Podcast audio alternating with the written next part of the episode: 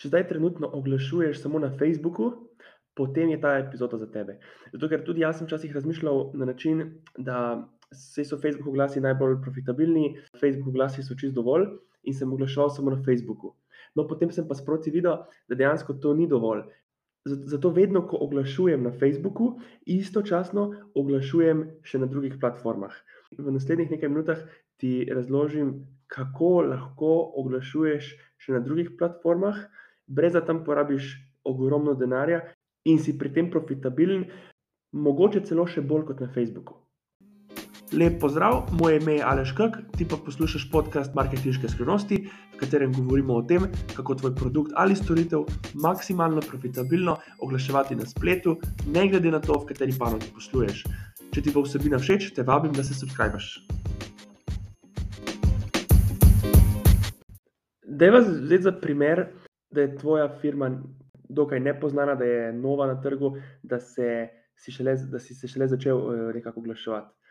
To pomeni, da te velika, velika, velika večina uh, ljudi ne pozna.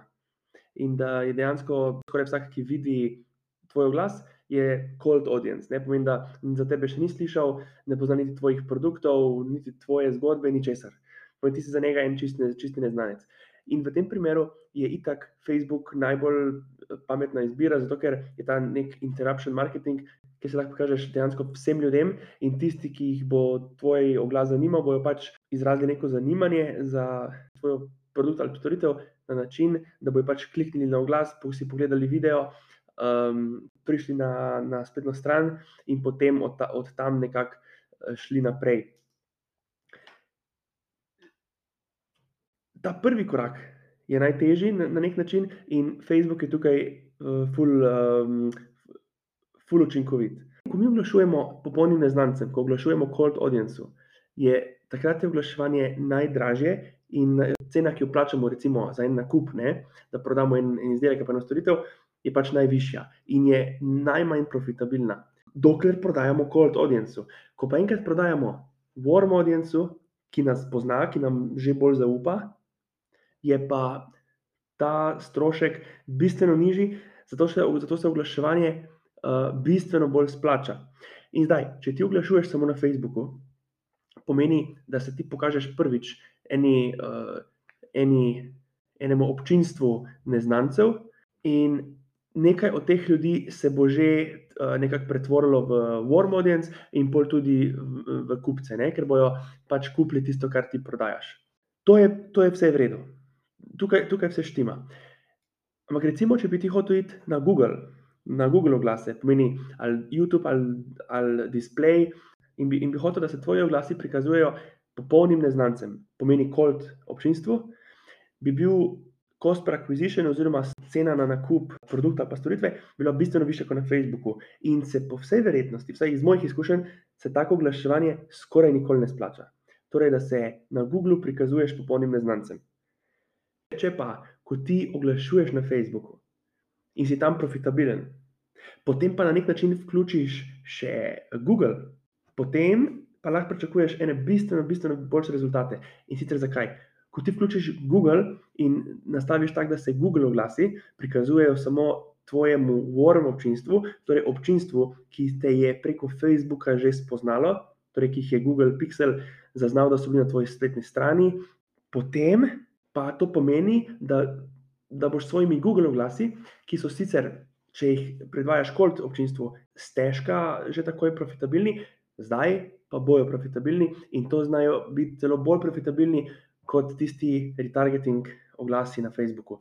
Včasih so, včasih niso, včasih so blazno, blazno, blazno učinkoviti, pa profitabilni, imajo return on ad spend eh, celo višji kot na Facebooku, ampak to nikoli ne moreš vedeti, dokler pač tega ne probaš. To je prva stvar. Torej, če se oglašuješ samo na Facebooku in istočasno ne oglašuješ na Googlu, na Googlu tega ne moreš delati, če prodajaš nekaj, kar je povezano z zdravjem, ki ti pač Google tega ne bo pustil, da nekako uh, formiraš svoje warm občinstvo, glede na obiske tvoje spletne strani. Ampak ni samo Google, imaš vse te druge platforme, LinkedIn, Snapchat. To dvoje poznam, tudi se hoče reči TikTok, TikTok oglaševanja ne poznam, ker ga v Sloveniji še ni, v tujini pa ga, pa ga ne oglašujem. In dejansko je, je cilj ta, da mi vse te platforme, vse te, vsaj vse te plačljive platforme za oglaševanje, nekako skupaj povežemo. Da ta front-end, ta interruption marketing, ki se zgodi na Facebooku, če, če že mi tam denar porabljamo, dajmo pol vse te podatke, ki jih dobimo iz tega oglaševanja, dajmo jih vsaj shraniti. Ne to naredimo pač prek, prek teh pixelov, pa prek teh, da te audience shranjujemo in potem dejansko prikazujemo oglase na posamezni platformi samo določenemu občinstvu, in to občinstvo je pač neko bolj kvalificirano, ne? da se ne prikazujemo popolnim neznancem, ampak ljudem, ki nas že poznajo in z, s tem si močno zvišamo možnost nekih konverzij. To je prva stvar, ki sem želel poudariti, da pač zakaj nikoli ne oglaševati samo na Facebooku. Drugi razlog pa je ta, da recimo, ko ti nekaj oglašuješ na Facebooku, pa te nekdo vidi, pa klikne na tvoj glas, pa si prebere, pa je mu je ful všeč, pol pa recimo mu telefon zvoni ali pa, ali pa je recimo, vem, je v avtu, ne dokonča nakupa zdaj, pa ga želi kasneje, pa te hoče pogooglati, pa te ne najde. Tako da vedno, ko oglašuješ na Facebooku, nikoli ne moreš vedeti, tudi če pač oglasi takoj ne prodajo. Če ti Facebook tam piše, ne vem, nič konverzij ali pa ful manj konverzij, kot si jih želiš. Ne moreš vedeti, koliko teh ljudi bo šlo na Google, vpisalo ime tvoje firme ali pa tvojega produkta, v Google pa, pa hodilo pol še, še enkrat prebrati več. Še bi se mogoče prepričati, če je to res za njih prava odločitev, pač pravi nakup.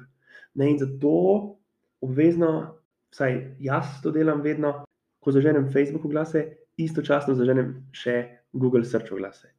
In to so Google Search oglasi, ki so, ki so zelo enostavni in sicer tam, ko nastavljaš, pri katerih ključnih besedah naj se ti oglasi prikazujejo, pač nastaviš ključne besede, ki so povezane z tvojim produktom oziroma tvojim brandom. Tako da, nikoli ne samo na Facebooku. Jaz sem včasih to počel, mislil sem, da pač, ok, vse Facebook je dovolj profitabilen, če je ROAS na Facebooku dovolj velik, zakaj bi se sploh ukvarjal s tem, pa, pa bi neke nove platforme zaganjal, pa, pa si nakupal še več dela. Ampak tako je bilo včasih, ko je bil CPM, strošek na tisoč eh, prikazov, ko je bil nižji. Potem se pa strošek na tisoč prikazov poveča, CPM se poveča, zdaj recimo trikrat višji, kot je bil eh, marca 2020 v času korone. Ne? Spomnim se tistih kampanj, ko so bili ROASi konstantno nad 10.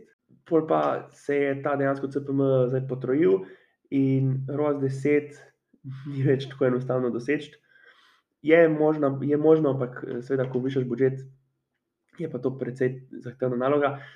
Pa niti ni to naš, če, če ROAS 10, pač bomo pač porabili več denarja, da pač ROAS malo znižamo, pa skupni promet, pa dobiček povečamo. Tako da to sem želel povedati, nikoli ne oglaševati samo na Facebooku, istočasno vključi se, vključi še magari te retargeting oglase na uh, drugih platformah. Torej, retargeting pomeni, da pač ti prikazuješ oglase tistemu, ki je bil že na tvoji spletni strani, ki je bil že na tvojem checkoutu, recimo karkoli takega. To so dejansko ta warm, neko warm občinstvo, ki, te, ki tebe pozna in je potrebno manj prepričevanja, mogoče samo opomnik, pa bo se konverzija zgodila.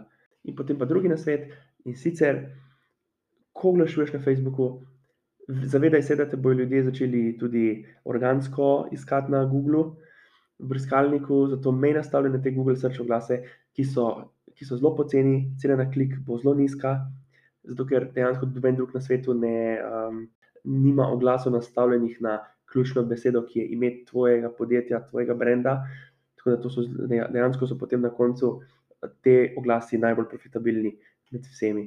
Pač precej, precej bolj profitabilni tudi od, tistih, od vseh tistih na, na Facebooku. Tako da, ja, če ti je bila vsebina všeč, te vabim, da se subskrbiš in se poslušava v naslednji epizodi.